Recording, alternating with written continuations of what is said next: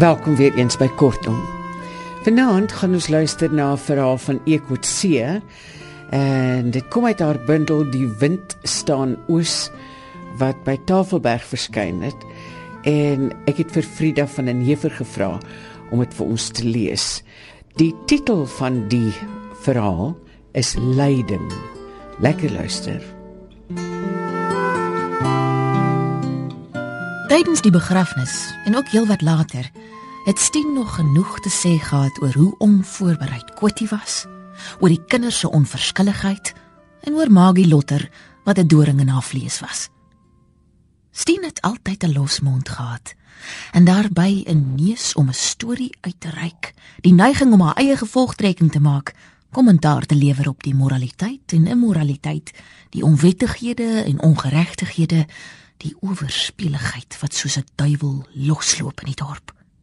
Sy kon breed opgee oor wie middag gesmokkel, wie snags skelm in die goewermentsveld jag, volstruisneste uithaal, watter getroude mans by 'n loopse weduwee kuier om watter siektes op hul stomme vrouens oor te dra. Klakkelose laster wat teens verplig het om haar hart aan te spreek. Daardie bek van jou gaan nog jou gat in die tronk laat sit, vrou. Teens dat die man sulke ongebreidelde tale kan kwytraak. Wil jy sê ek lieg? Sy het met haar eie ore gehoor en self gesien. Al, al loop sy nie juis rond nie, behalwe om te kollekteer in die wijk waar teens die jaken is. Deur die klein vierkant vensters van haar voorhuis en kombuis verken sy die straat. Kom sy te wete wie verbyloop of ry, of dit bekendes is of 'n vreemdeling, wie winkel toe gaan en wie waar kuier of dit vir 'n verjaardag is dat Maggie Lotter blomme aflewer voor wie se deur die dokter se nuwe motor met skreeuende remme stilhou vir 'n bevalling of siekte of dood. In Kotie se geval was hy te laat. Nadat sy die toeval in die groentetuin gekry het, het sy nog tot by die stoeptrap aangesukkel, die plikselboontjies toegevou in haar voorskot en net daar bly lê. Dit gee toe 'n hele affære af. Die kinders kon hulle nie dadelik in die hande kry nie. Skoolvakansie. Soos hoenderkuikens wat losloop, moes hulle bymekaar gemaak word. Daar's ten einde raad oor die draadloos uitgesaai. Een was in Johannesburg, die ander in Durban, kleinkoes op jag in Namibië, oral behalwe om 'n slag te kom kyk hoe dit met hul ma gaan. Daarvoor is oompie Teens en tannie Stien mos daar. Omdat Kotie nooit baie netjies was nie, en eerder doenig met die tuin en lewende goed, moes Stien die huis in der haas regtrek. Gelukkig was die koei lankal van kant gemaak en het die munisipaliteit varke in die agterplaas verbied sodat daar net 'n paar hoenders was. In die kinders se afwesigheid het daar met die begrafnisreëlings 'n misverstand gekom. As teens nie vooruit betaal het nie, was daar byna nie 'n gat nie. Koetie het wel geld gehad. 'n Glaspot vol eiergeld op die spensrak en koeverte met banknote party so oud en groot soos kooilakens onder linoleums en agterportrette weggebêre. Kotie het mos nie 'n bank vertrou nie. Stien het daarop afgekom toe sy uitvee en afstof, maar aan niks geraak nie om nie later beskuldig te word nie. Of die kinders met teensel afreken, moet hulle nog sien. Gelukkig kon sy die ondernemer wys waar die doodgenootskapboekie is. En dis sy wat gesorg het dat die mense wat van ver af kom iets te eet te kry vleisbolletjies en gekookte eiers. amper meer en beter as destyds toe Kleinkoos met Magie Lotter se dogter getroud is, waar die eetgoedjies nie groter as haar duim se kop was nie en die mense honger daar weg is. So die mekaar begrafnis begeer sy nie, het sy verteens gesê. Die drie jongetjies kinders was amper laat vir die kerk. Kleinkoos het die diens gemis, maar daarom die graf gehaal. Die dominee het skaars amen gesê. Hulle het nog gesing toe maak die drie hulle uit die voete oor in die nek huis toe, seker om die testament onder oë te kry. As hulle gevra het, kon Stien hulle gesê het, dis saam met die poliskontrakte in die boonste laai van die sideboard. Die sleutel was in haar sak. Hulle moes maar mooietjies wag tot teens hulle eendag die graf toe gegooi het. Anders het die vandag nog waawyd oopgestaan, want nie een van die drie het daaraan gedink om hul ma toe te gooi nie. Dit het Stien 'n dag gevat om die stof uit teen se kerkbak te borsel. Waaroor Stien nie kon kom nie, is dat die skoondogter, Mersha van Maggie Lotter, so onstigtelik aangetrek was. 'n Bont skertjie en onderbaadjie, sommer gewone huisdrag. Geen respek nie, kan 'n mens sien. Stien, wat 'n aangenaide lap is en nie aldag goed doen in die oë van die familie nie, het lig rou gedra dat sy teens nie tot skande kan wees nie. Die rompie van die swart en wit pakkie is al aan die knapkant, sodat dit opkruip oor haar knieë en sy moes bly aftrek. Toe teens voor al die mense vra: "Aistien, wat het jy tog weer vandag aan?" Het sy nie gewys hoe sleg sy voel nie. Teens is nie aldag 'n maklike man nie. Hastig en kort van draad, sodat sy nie altyd verstaan wat hy wil hê nie. Dan sê hy sy is dom. Maar sy is nie. Die dinge wat haar ma geleer het, wat 'n meisie moet weet voor sy man vat, kom sy getrou na. Haar plig is in haar huis en haar plesier soek sy in haar slaapkamer. Eers nadat alles verby was daardie dag, het sy haar gaan toesluit en uithuil. Nie net oor Kotie nie, maar die kinders wat hul ma se huis, ek kan maar sê leeg geplunder het. Sonder om daaraan te dink wie vir almal reg gestaan het, sonder om te sê Dé Antistien, hier is 'n ou vaddoek van oorlede ma. Of vat jy die roosboom vir jou? Jy het hom nat gedra. Ons gaan die huis met alles daarin op Vendessie sit. Hy gaan net verwaarloos. Nee. Hulle het dit uitgehaal. Solank ander mense blomme op hul ma se graf bak, het hulle 'n graaf gevat en die boom uitgespit en gaan oorplant in Magie Lotter se tuin. Magie wat reeds soveel rose het. Hulle sê meer as 100 in die holte onderkant haar huis waar die wind dit nie kan bykom nie. Dit was een van daardie ou tydse pink rosies wat so lekker ruik, wat die ou mense destyds in die begrafplaas geplant het, wat Kotie van die plaas afgebring het, waarvan sy nog altyd 'n steegie wou vra. As teens net 'n bietjie goeie grond wou indra. Hulle het seker gedink sy sal hom stilletjies kom vat, omdat hulle self agter die deur staan. Sy weet ook wie daar agter sit. Die ou lelike meisiekind van Maggie Lotter wat kampsig so erg oor Kotie was. Al was dit een manier klein koes na wie sy gejag het. Waar anders het sy 'n man gekry as hy haar nie gevat het nie. En hy was agter die geld wat ou Lotter hom voorgeskiet het om 'n praktyk te koop. Lotter het ook maar sy ou lap uit die fabriek gesteel en sy groot huis laat bou met materiaal wat hy snags uit die stoorkamers aangery het. Iets wat toegesmeer is omdat daar 'n ding tussen die groot baas en Magie was, so sê die mense wat weet wat daarna donker agter die hoë se deure aangaan. Oop en bloot vir almal was die werksmense van die fabriek wat bosse uitgekap het en die vragtegrond wat die fabrieklorry kom tipe het vir die roostuin. Weke later top sy nog oor die breekgoed waarvan die helfte teens na regte toegekom het omdat sy destyds toe sy ma se goed uitgedeel is, te eergevoelig was om te vra. Moes sy tevrede wees met die ou houtkarring en 'n waterketel. Die Bybel sê 'n mens mag nie begeer nie. Maar sy wou altyd so graag daardie groen bak met die hoenderhen op die deksel gehad het. Die is sy nou vir goed kwyt. Dis nie vir haar om te oordeel nie.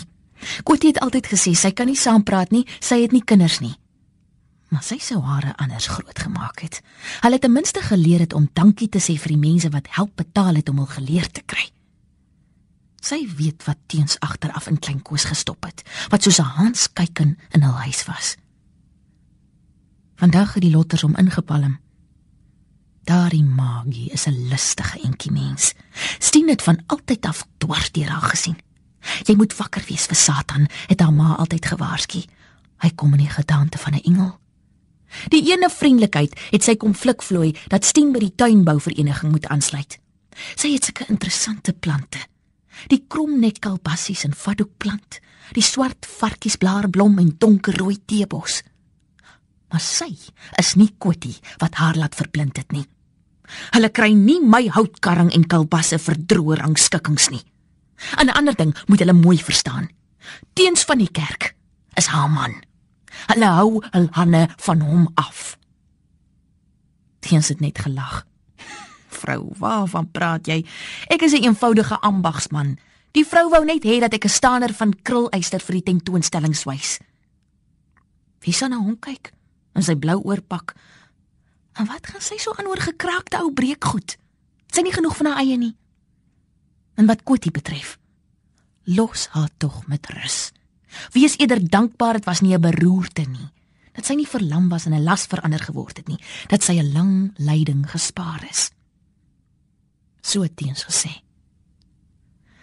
Aan die een kant is dit seker so, maar sy weet darm nie. Vir haar is dit net te skielik. So onkant wil sy nie gevang word nie. Kotie se kooi was nie eens opgemaak of die pot uitgegooi nie. Nee, sy het tyd nodig. Sy wil haar behoorlik voorberei. 'n Mens het tog 'n siel. Al beteken dit ook 'n lang siekbed, wil ek liewer my lyding hê, sê sy plegtig teenoor teens. Sy is godvreesend grootgemaak en het haar ouers geëer. Sy praat nie lelik nie en maak haar nie skuldig aan allerlei sondighede nie, dat haar siel nie eendag in die hel sal brand nie. Daardie ewige poel van vuur en swavel wat sy bo alles vrees. Nogtans bly die dal van doodskade weer vir haar 'n verskrikking. Sy wonder wat deur Kotie se gedagtes gegaan het toe haar kop begin duisel, haar bene pad gee en sy in mekaar sak. Dat sy vir haar bril en tande moet keer en dat 'n heup nie breek nie. Was daar ooit tyd vir 'n gedagte aan 'n opgetrekte rok? Die aardige hou spat haar been. Was alles verby sonder dat sy besef het dis nou die dood die. 'n Mens verwag mos nie so iets nie. Jy dink altyd dit kan nie met jou gebeur nie. Jou tyd is nog nie daar nie. Jy is nie siek nie. En dan is alles plotseling verby. Voorheen het Stina haar nie aan pyne en kwale gesteer nie. Wanneer sy inteenste ryk geëet het, het sy die galaanval weggedokter met als uit die tuin of sy die huisapteek nader gesleep. Maar nou het daar 'n ding aan haar begin knaag. Sy het nooit gekla nie, maar sy loop al lank met 'n ou arm en rug en 'n pyn agter die blad wat erger geword het met die gewerskap van Kotie se huis. En toe sy in die voorjaar haar eie solders was en mure verf, kan sy dit skielik nie meer hou nie. Reumatiek, sê die dokter half ongeërg. Die hele dorp is gaar van die sinkings. Hoe anders met die ou huise deurtrek van die seeklimaat. Toe die hoeveelste bord uit haar hand val, loop die brandal van haar skouer af tot in haar pols en sit teen sy voet dwars neer. Kaap toe. Die internis na wie sy verwys is, het met sy vingers tot diep in haar oksel geboor en haar toe verplate gestuur. Daarna is sy direk in die hospitaal opgeneem. Die klere onder haar regterarm is uitgesny. Dis niks om onrustig oor te wees nie. Die kwaad is alles verwyder. Sy kan voortgaan met haar lewe, verseker die chirurg haar. Desembermaand. Die Kersmaand wanneer die hele binneland by die strand kom afpak en die dorp in 'n feestelike stemming is. Vra sy dat teens haar in die motor laai dat hulle 'n bietjie bo kan die badhuisies gaan sit en sommer net kyk hoe die jong mense in die water baljaar en die bote met vakansiegangers uitvaar. Anders as gewoonlik, wanneer sy oorval word deur navraag van mense wat 'n kamer soek, moet sy hulle die jaar wegstuur. Sy het twee van die dokter se wit pilletjies op 'n slag nodig om deur die dag te kom. Nuwejaarsdag, toe suurwaans en trompoppies deur die strate paradeer, slaap sy feitelik om. Sy het gedink sy droom toe klein Koos en Mersha voor haar bed staan. Dan is Stien van ver af, asof deur water, hoor sy hulle praat. Vingers raak aan haar wang en voorkop. Hulle ken hom mos nie sodat sy oordag slaap nie. Nee, beer sy oorent. Ek slaap nie, ek lê sommer 'n bietjie. Teens is met een van die skuite vol mense uit. Sy het gedink sy wag tot hy terug is voordat sy koffie maak. Mense moenie gedagtes kry nie, want dan word dit 'n storie wat vir die waarheid die dorp vol lê. Daar word al te maklik gepraat. Sy soek na haar pantoffels en slof kom buite om die ketel aan te skakel en koppies reg te sit. Tot haar skande moet sy erken die koekblik is leeg. Hulle verstaan. Ons het gehoor Tannie was nie lekker nie. Hoe gaan dit nou? Beter, sê sy en haal teelepels uit. Dit gaan aan. Die dokter wil my eers oor 'n jaar weer sien. Daar is niks om oor bekommerd te wees nie. Dis goeie nuus. Van hulle kant wil Kleinkos weer eens dankie sê vir wat sy en teens al die jare vir sy weduwee ma beteken het, tot met die dag van haar dood en die begrafnis. Hulle het 'n klein geskenkie gebring. 'n Ligblou bedbaadjie vir haar en 'n hemp vir teens. Ook blou. Tannie moet tog praat as jy hulp nodig het. My maale is net om die draai en altyd beskikbaar. Piet Mersha aan. Hulle stuur ook groete. Hulle sal 'n huis vol mense hê oor die groot dae. Dankie. Aanvaar Stien halfhartig. Ons kom goed reg. Sommige slegtigheid van my. Stilletjies snuif sy die klammigheid weg wat haar bril wil toewasem, toe sy die twee jong mense agterna kyk. Sy wil nie tranerig wees nie, maar sy sou nie omgegee het as sy vandag 'n dogter gehad het nie. Met haar hand streel sy oor die sysagte materiaal en fyn kant van die jakkie. As sy net iemand gehad het teenoor wie sy kan praat oor die dinge wat sy nie eens teenoor teens wil erken nie. Haar onsekerheid en angs en alleenheid. Dat sy haar rok kan oopknoop, die onderklere wegtrek en wys, die gaatjie onder die arm wat nie wil ophou sug nie, sodat sy deppers moet vou dat die vog nie op haar klere teerslaan nie.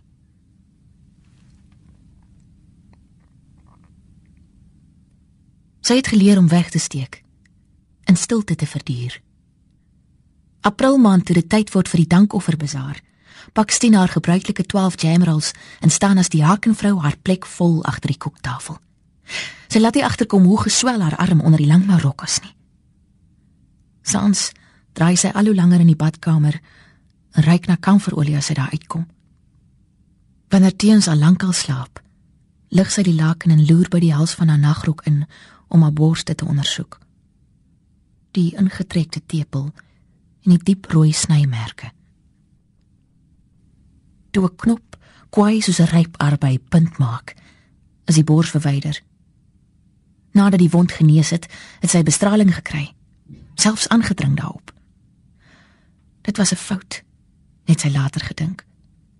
Die area het gevoelig en roserig gebly.